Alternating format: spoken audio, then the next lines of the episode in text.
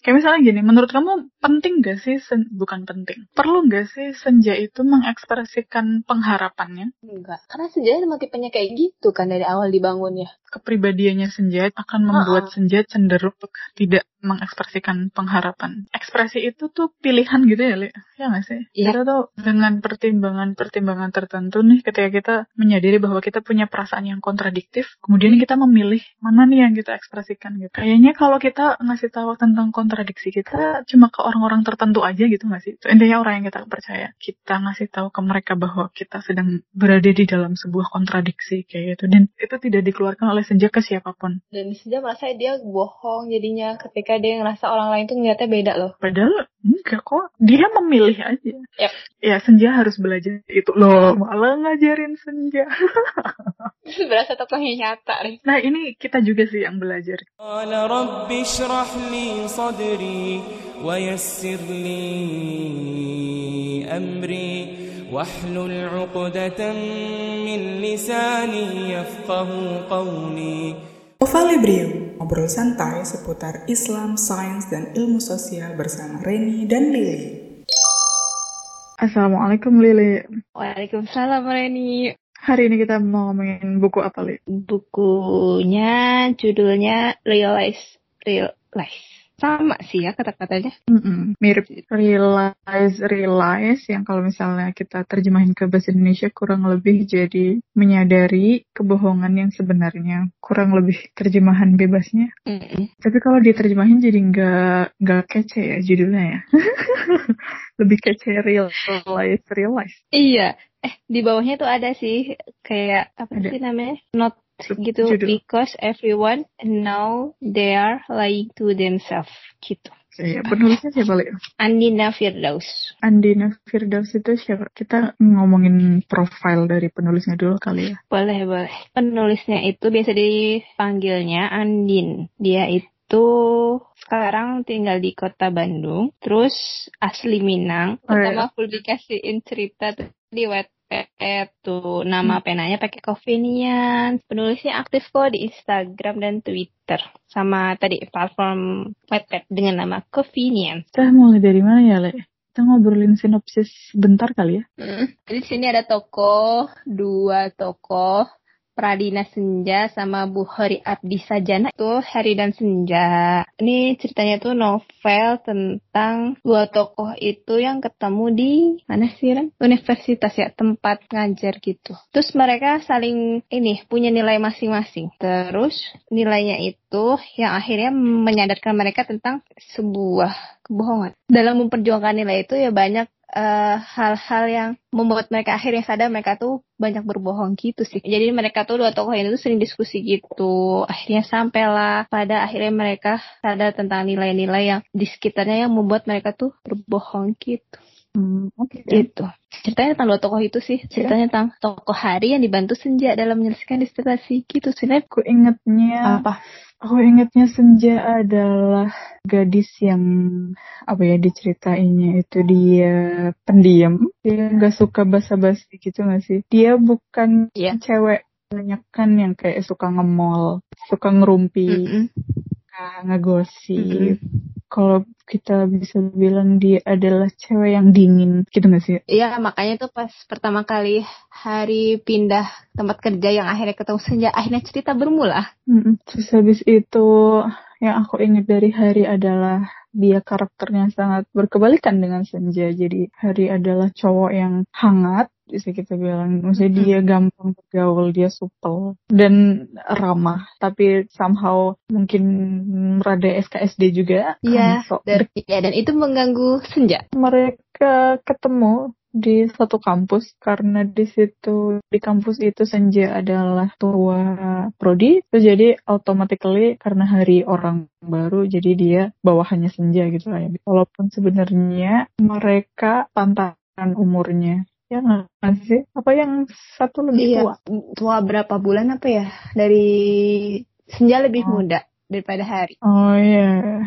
sebaya lah ya Ya tapi sebaya jatuhnya ya. Si Hari merasa ter- ke-trigger gitu loh pas tahu Senja itu lebih muda, tapi udah le- selesai. Oh Hari itu selain isi gue itu ambisius juga. Di situ konfliknya sih. karena mereka punya kepribadian yang beda banget. Somehow itu memunculkan konflik dan dari konflik inilah kemudian cerita berlanjut kayak gitu. Tapi sebenarnya kalau ngelihat alur yang dipilih sama penulisnya, ini bukan konflik pertama yang muncul di buku ini gitu sih. Sebelum Senja ketemu Hari, Senja itu punya konfliknya tersendiri kan, yang diceritain di bab-bab awal. Iya. Yang kok sama siapa itu, aku lupa ya. Sahabatnya Sama Raina. Ah ya Raina. Itulah yang membuat Senja akhirnya keluar dari Jakarta dan ngajar di kampus ini, yang notabene kampusnya ada di kota yang enggak segede Jakarta kayak gitu. Yang ngebikin menarik dari konflik Senja dan Raina adalah karena konfliknya tidak dijelaskan secara eksplisit di awal-awal bab ya nggak sih? Itu yang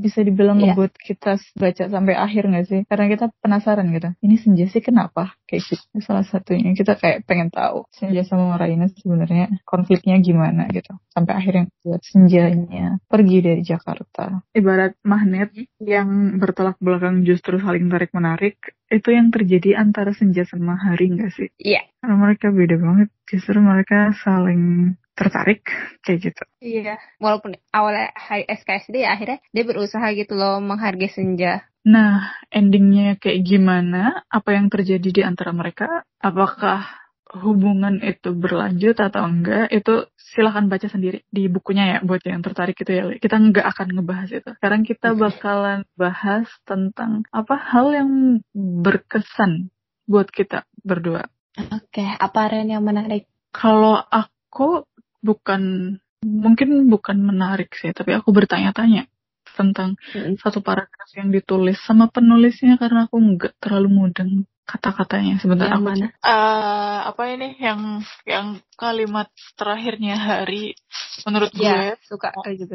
tahu kalau mereka bohong sama diri mereka sendiri. Tapi buat sadar kalau mereka tahu bahwa mereka bohong diri sendiri itu lain hal. Ini aku nggak mudeng tau li. Kalimat itu buat aku ngebingungin. Karena buat aku tahu sama sadar adalah hal yang sama. Oh, Kalau ke, nih kan di Bentar. Ka- kalimat yang sebelumnya tuh semua orang tahu kalau mereka bohong dan untuk aku sadar bahwa aku tahu aku bohong sama diriku sendiri. Nah itu aku bingung. Menurutmu gimana li coba? Mungkin aku yang amdam, mungkin aku yang bodoh. Karena buat aku itu adalah hal yang sama gitu. Kayak gitu. Makanya ketika baca ini aku nggak mudeng. Coba li dijelaskan. Karena buat aku ketika kita sesuatu ya kita sadar akan hal itu kayak gitu loh. Itu mak- masuk ke kognitif kita kayak gitu. Kalau sampai kita nggak tahu ya kita nggak sadar. Kita sadar ya kita tahu kayak gitu. as simple as that. Iya, lo kamu kalau buka KBBI ya, Li, buka deh KBBI. Sah, ya coba buka. buka KBBI. Coba kita buka. Tahu, mengerti Di definisi keenam. Definisi keenam. Di definisi keenamnya lihat tahu adalah sadar. Oh iya. Nah, coba kita cek kalau sadar. ini kalau sadar tahu. Tahu, Oh iya, makanya tahu dan mengerti definisi pertama. kan itu adalah dua hal Mungkin maksudnya tahu. Ren ya. Iya. Mungkin maksudnya ini kalau sadar mereka tuh akhirnya mau mengakui Oke. gitu. Ada implikasi yang Iya. beda gitu. ya. Atau ini semacam metakognisi kali ya, Li? Kamu ingat nggak kita kamu ingat nggak pernah ada istilah metakognisi? Iya, kan tulisan Gitu. kamu Ren. Baca aku. Memahami kesadaran kita kayak gitu. Iya, kayaknya sih itu. Aku- Jadi sadar Kayak- di situ dia harap berharapnya nggak cuma sampai tahu doang loh, tapi dia itu paham dan mau ngelak- ngakuin. Ya nggak sih? Saya kebohongan-kebohongan itu tuh nggak kelihatan gitu loh Ren. Hanya si Senja dan harinya sendiri yang tahu masing-masingnya. Gitu. Iya, cuma masing-masing kita yang tahu bahwa kita membohongi diri sendiri. Nah, kalau it, kalau oke, ya udah. Kalau kamu mengartikannya sadar itu punya implikasi kayak gitu. Kalau aku sih arahnya ke metakognisi kalau kayak gitu sih berarti. Pengetahuan tentang pengetahuan itu sendiri. Aku sadar bahwa aku punya pengetahuan kayak gitu, Le. lebih kayak itu. Aku tahu bahwa aku punya pengetahuan. Aku mengetahui Oh. bahwa aku punya pengetahuan tentang kebohonganku sendiri kayak gitu lebih ke metakognisi ada pemahamannya dan ada pemahaman Ya. atas pemahaman nah kayak gitu Ih, ini jatuhnya jadi filsafat karena kita ngomongin sadar dan tahu dan. Kesadaran kesadaran itu kesadaran itu belum tentu ada aksinya loh. Kesadaran adalah satu hal, aksi atas kesadaran itu adalah hal yang lainnya lagi kayak gitu. Tapi ya sudah. Ya pokoknya pas jadi aku baca Ren? mengakui mengakui Mengakui bahwa ada pengetahuan. mengakui bukan aksi, mengakui adalah respon. Aksi itu tindakan li ya kita ngomongin definisi lagi. mengakui atau tidak mengakui itu cuma respon, cuma baru respon doang. Mungkin bukan salah, mungkin cuma kita be- beda menggunakan kata-kata. Apa coba? Ya itulah pokoknya. Tapi mungkin itu kali ya yang diinginkan sama penulisnya juga. Ngebikin kita jadi mikir ketika dia tuh menghadirkan dua kata yang sama di dalam satu kalimat kayak gitu. Mungkin kalau cuma sekilas baca kayak aku jatuhnya aku bingung. Baca pertama tuh aku bingung ini oh maksud penulisnya apa ini? Gitu. Kenapa dia meletakkan dua kata yang sama di satu kalimat ini kalimat tidak efektif ini kayak gitu tapi terus ya mungkin itu kali ya Li, yang harus kita lakuin kalau kita bingung sama tulisannya seseorang atau bingung sama kalimatnya seseorang atau bingung sama kata-katanya seseorang kita jangan langsung seuzon tapi kita mencoba mencari tahu kira-kira apa yang yang ngebikin penulisnya menggunakan dua kata ini di satu kalimat gitu. Maksudnya kebingungan, kebingungan itu ngelit kita untuk menganalisis lebih jauh gitu loh. Bukan yang kebingungan melit kita untuk menjudge penulisnya kayak gitu. Mm-mm. Dapat nggak sih? Nah itu, Dapat. ya itu yang kita lakukan. Oke. Itu, ya. Iya, kita sendiri juga akhirnya cari definisi yang berbeda. Iya.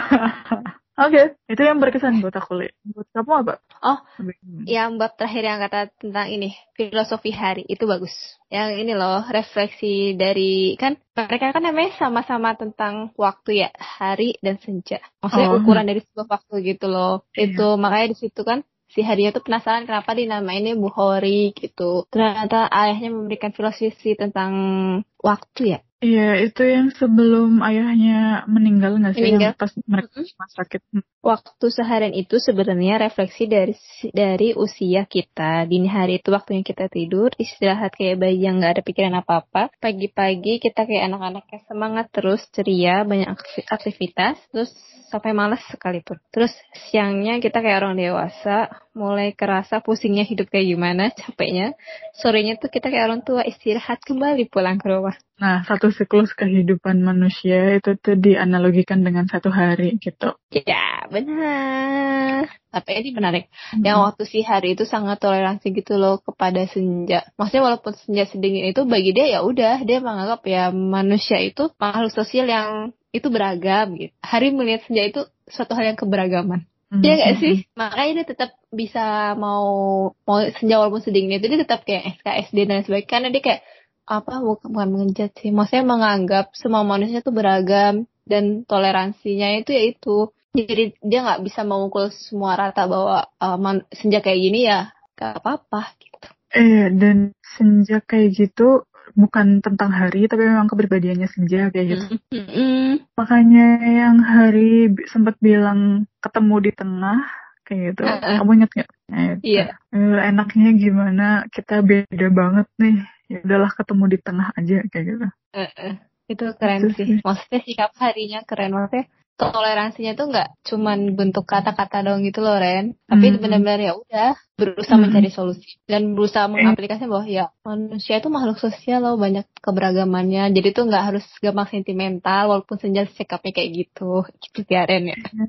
Ya Gitu. karena juga mikirnya, aku nggak tahu sih. Ini aku menginterpretasikan ya. Aku nggak tahu apakah ini Mm-mm. yang Hari pikirkan. Tapi aku menginterpretasikannya. Hari ingin menjaga interaksi dengan senja dalam jangka panjang kayak gitu. Makanya dia mencoba untuk mencari titik tengahnya di mana kayak gitu. Biar harinya nyaman dengan kepribadiannya dan biar senja juga nyaman dengan kepribadiannya kayak gitu. Karena memang itu yang akan kita lakukan. Kalau misalnya kita pengen ada di hidup orang lain dalam jangka panjang gitu. Entah sebagai teman, entah sebagai rekan kerja, entah sebagai apa profesional ataupun hubungan personal kayak gitu. Kalau kita pengen berinteraksi dalam jangka panjang, kita akan mencoba untuk berkompromi gitu, Hmm. mencari titik tengah. Walaupun kepribadian kita sangat berbeda kayak gitu. Ada lagi nggak, Le? Oh, Kita udah. masa nggak bang nggak ngebahas real apa relate-nya tuh tau. Sesuai judulnya, realize, realize.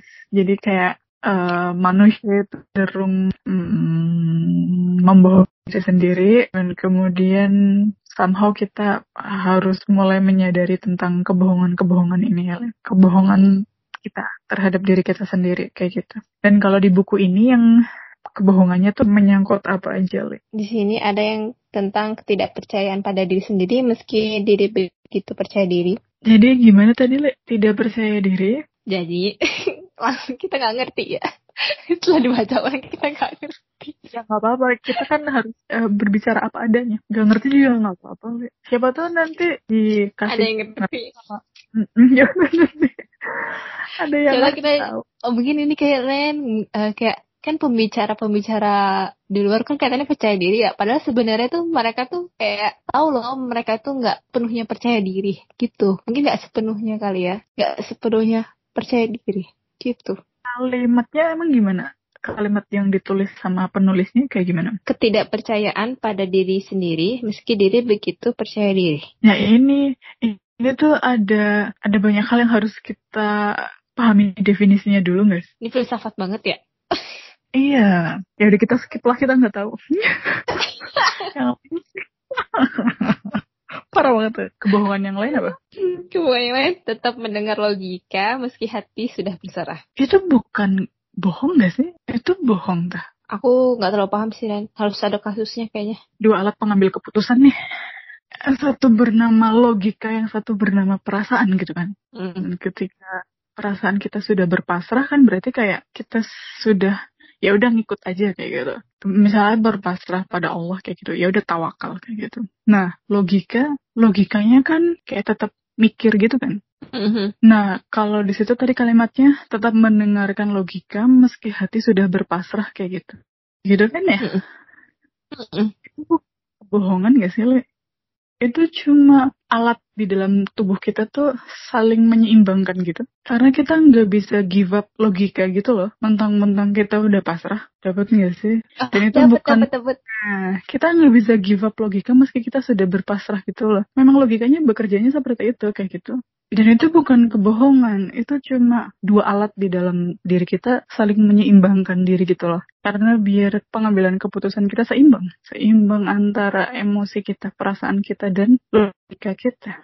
Menurutmu gimana? Iya, maksudnya ketika kita mau melakukan sesuatu, ya kita yakini sama Tuhan. Tapi kita tetap nggak menghalangi usaha yang menurut kita logika kita baik gitu. Iya, hmm, kan ini, misalnya kita ngelakuin sesuatu, kan ada hal yang kita ketahui dan ada hal yang nggak kita ketahui tuh, ya nggak sih, Li? Mm-mm. Nah, pasrah itu tuh untuk hal-hal yang tidak kita ketahui gitu loh. Logika untuk hal-hal yang kita ketahui. Kayak misalnya kita ujian masuk perguruan tinggi kayak gitu. Mm. Kan ketika kita mau tes, ada hal yang kita ketahui, ada yang nggak kita ketahui kan. Yang kita ketahui misalnya kayak pelajaran-pelajarannya, kayak, makanya kita belajar. Yang nggak kita ketahui, misalnya kayak seberapa pintar saingan kita, kita nggak tahu. Nah, pasrah itu ada di ketidaktahuan itu gitu. Yang kita ketahui, kita tetap mengusahakannya dengan logika kita. Mungkin karena dua hal ini saling bertolak belakang, jadi somehow bisa dibilang apa ya?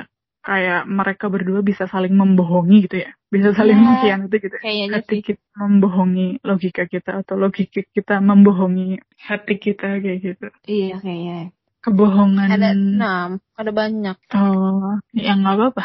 Coba sebutin aja. Mungkin kan ada yang nggak kita mudeng kayak pas yang tadi pertama lagi. Mungkin kita perlu mendefinisikan lagi kan? Kayak yang tadi. Mm-mm, itu harus dijabarin tau, Le. Definisi percaya diri itu apa? Maksudnya percaya diri itu apa? Maksudnya tidak percaya diri itu apa? Kayak gitu. Ya udah yang ketiga, Dua sama kayak dua yang kedua deh. Soalnya Oh, gitu. mempersilahkan hati meski logika tak mau kalah. Cuma dibalik loh alurnya. mm-mm. Maknanya sama sih. Kalau kamu gimana? Kalau bagi aku maknanya sama. Ntar ternyata beda lagi bukaku. sama kok sense-nya sama. Terus yang ada lainnya tuh ketidakpuasan akan pencapaian meski telah menyadari bahwa pencapaian tertinggi manusia adalah bermanfaat bagi semua. Itu mungkin ini kali ya latar belakang kalau banyak orang yang melakukan kebohongan kayak hubungan besar kayak korupsi dan lain-lain sebagainya. Yang paling kelihatan korupsi sih dan Serakah gitu ya maksudnya. Jadi serakah. Hmm. Padahal maksudnya Hmm. ya udah kita bermanfaat aja sebenarnya cukup, tapi karena kita nggak puas terhadap pencapaian yang kita dapat, kini kita akhirnya bohong. Tapi mungkin memang nggak semua orang me- mengiyakan pencapaian tertinggi adalah bermanfaat bagi orang lain. Mungkin nggak semua orang mengiyakan hal itu, nggak sih, Li? Iya. Terus lagi, perasaan kalah dari manusia lain meski menyadari bahwa di atas langit masih ada langit. Oke. Kayaknya ini berhubungan dengan tokohnya gak sih Ren? Realize realize yang disebutin di sini tuh. Hmm, Aku- berhubungan gitu. Kayak misalnya yang ke, nggak kepuasan pencapaian itu kan kayak si Hari itu masih pengen setelah sekolah terus sekolah terus. Padahal sebenarnya dia udah cukup lah jadi dosen itu. Oh, oke. Terus yang yang ini perasaan kalah dari manusia lain meski menyadari bahwa di atas langit masih ada langit itu yang ketika kan si Senja kan lulus duluan ya daripada Hari padahal dia lebih muda kan. Itu tuh si Hari itu masa kalah gitu loh. Terus kita yang terlalu berharap lebih di dunia meski tahu kalau itu tem- cuma tempat kita menyiapkan bekal menuju akhirat. Kita yang terlalu cinta sama hal di dunia meski tahu kalau di dalamnya nggak ada yang abadi. Yang terakhir, kamu gimana, Li? Ya, bukan nggak bohong sih, lebih kepada sadar kali ya, tersadaran sih. Maksudnya nggak, bukan itu malah bener ya, real. Maksudnya? Maksudnya ya emang dunia kayak gitu. Mm-mm. Apa ya Ren yang bohongnya menurut hari itu? Nggak ngerti aku jadinya. Aku juga baru menyadari ketika kita ngobrol ini kok. Jadi tuh somehow ini interpretasi pribadi. Nggak tahu bener penulisnya kayak gini atau enggak. Tapi Sama. penulisnya menghadirkan hal-hal yang bertentangan, meletakkan hal-hal yang bertentangan satu kalimat dan mengkategorikan itu sebagai kebohongan kepada diri sendiri. Kayak gitu nggak sih? Aha. Padahal kalau bohong kan yang satu asli, yang satu palsu.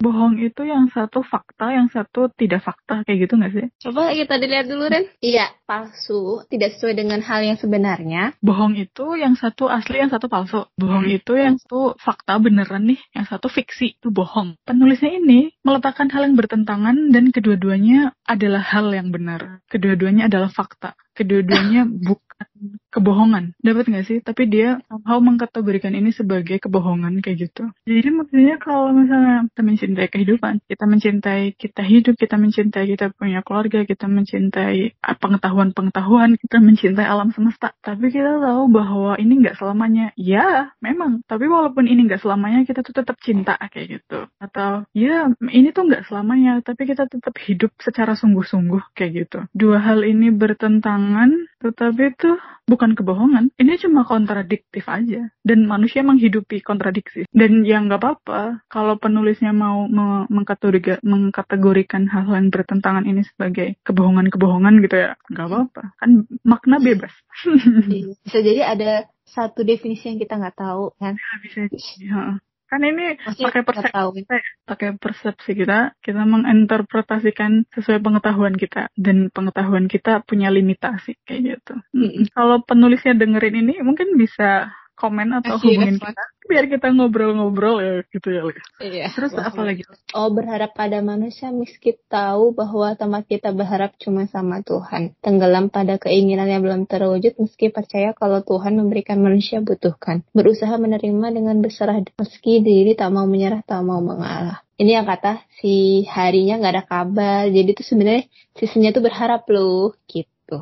Tapi dia nggak Oh, nggak bisa Hmm. mengungkapkan itu. Jadi menurut saya itu kebohongan. Jadi berusaha Oh. kelihatan tegar Aras. Hmm. gitu. Terus kelihatannya tuh dia tuh nggak mau hubungin Ari dengan eh menghubungi Hari duluan dengan ya udahlah nerima sikap Hari kayak gini. Sebenarnya dia nggak mau menyerah gitu. Dengan Hari sikap kayak gini tapi nggak mau nyerah. Jadi kayaknya yang kebohongan-kebohongan lain itu mungkin kayak gitu kayak Ren kasus-kasus. Tapi dua hal itu mungkin aja dirasain sama Senja nggak sih? Maksudnya di satu sisi dia berserah, tapi di satu sisi dia berharap kayak gitu. Iya. Lebih ke itu sih. Dan itu bukan bohong, itu cuma dua hal yang bertentangan sedang dira- sedang dirasakan oleh Senja kayak gitu. Nah mungkin kayaknya sih definisi yang tadi nggak bohong itu yang kayak aku bilang pertama Ren yang harus kayak mengakuin gitu loh. Jadi orang tuh ngeliatnya ketika Senja berusaha tegar Dia tuh membohongi. tegar. Hmm, cuma menutup-nutupi Iya. ngarepnya dia. Padahal ya Heeh. enggak. Dia Iya, jadi semua orang tuh ngeliatnya Senja tuh gak ngarep loh. Padahal tuh Senja berharap kok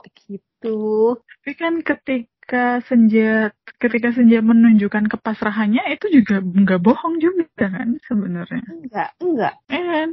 enggak. Cuma yang tidak senja, yang tidak senja tunjukkan hanyalah pengharapannya. Itu yang nggak senja tunjukin. Udah gitu doang kok. Jadi ini bukan masalah bohong atau nggak bohong. Ini cuma masalah diekspresikan atau tidak diekspresikan kayak gitu. Dan tidak mengekspresikan sesuatu bukan berarti berbohong tentang sesuatu. Nah, iya, itu kayaknya simpulan kita. Makanya tadi kan kita sampai nggak paham kan maksud yang tahu dan sadar. Jadi tuh kayaknya ekspresi bohongnya itu ya diekspresikan gitu loh Ren. Kayak misalnya gini, menurut kamu penting gak sih, sen- bukan penting, perlu gak sih senja itu mengekspresikan pengharapannya? Enggak. Maksudnya ya karena senja emang tipenya kayak gitu kan dari awal dibangunnya. Jadi kayak kepribadiannya senja, pikirnya senja akan membuat senja cenderung untuk tidak mengekspresikan pengharapan. Hmm. Iya, iya, iya sih. Nah, berarti kayak ekspresi itu tuh pilihan gitu ya, Li? Ya nggak sih? Iya. Kita tuh dengan pertimbangan-pertimbangan tertentu nih, ketika kita menyadari bahwa kita punya perasaan yang kontradiktif, kemudian kita memilih mana nih yang kita ekspresikan gitu, mana nih yang kita kasih tahu ke orang kayak gitu. Itu yang membuat orang tuh nangkep kita dengan satu sisi kayak gitu. Padahal sebenarnya di dalam diri kita ada kontradiksi, tapi mereka nggak tahu kalau itu tuh di dalam diri kita ada sebuah kontradiksi. Yang mereka tahu kita condong ke satu sisi kayak gitu. Iya kayak Iya, bener. mungkin kayak aku nggak tahu sih tapi kalau aku bakalan ini sih kayaknya kalau kita ngasih tahu tentang kontradiksi kita cuma ke orang-orang tertentu aja gitu nggak sih bakalannya? Kayak mencurhat atau keluarga yang kita percaya kayak gitu. Intinya orang yang kita percaya. Kemudian kita ngasih tahu ke mereka bahwa kita sedang berada di dalam sebuah kontradiksi kayak gitu. Kita punya satu perasaan eh, berharap tapi ada juga satu perasaan lainnya yaitu pasrah kayak gitu. Dan itu nggak keluar dari senja ke siapa pun. Itu tidak dikeluarkan oleh senja ke siapa pun. Dan senja merasa dia bohong jadinya ketika dia ngerasa orang lain tuh ngeliatnya beda loh. nah itu. Padahal enggak kok. Dia memilih aja. Memilih mana yang diekspresikan mana yang enggak kayak gitu. Gitu enggak sih? Yap. karena ngejelasin ngejelasin kita punya kontradiksi itu capek loh. Capek. Iya loh. Panjang Bener. Maksudnya kalau orang yang kita ceritain nggak nggak signifikan di dalam hidup kita, kita males gitu loh ngejelasinnya ya enggak sih? Ya senja harus belajar itu loh, malah ngajarin senja. Berasa tokohnya nyata nih. Nah ini kita juga sih yang belajar jadi. Heeh. Ya udah. Jadi kalau gitu kita sudahi episode ini. Semoga bermanfaat. Semoga obrolan kita gak bikin pusing ya. kita ngobrolin novel kayak ngobrolin filsafat. Definisi. Definisi. Buka KBBI mulu dari tadi. Ya udah. Terima kasih sudah mendengarkan. Sampai bertemu di episode selanjutnya. Assalamualaikum Lili. Waalaikumsalam Reni.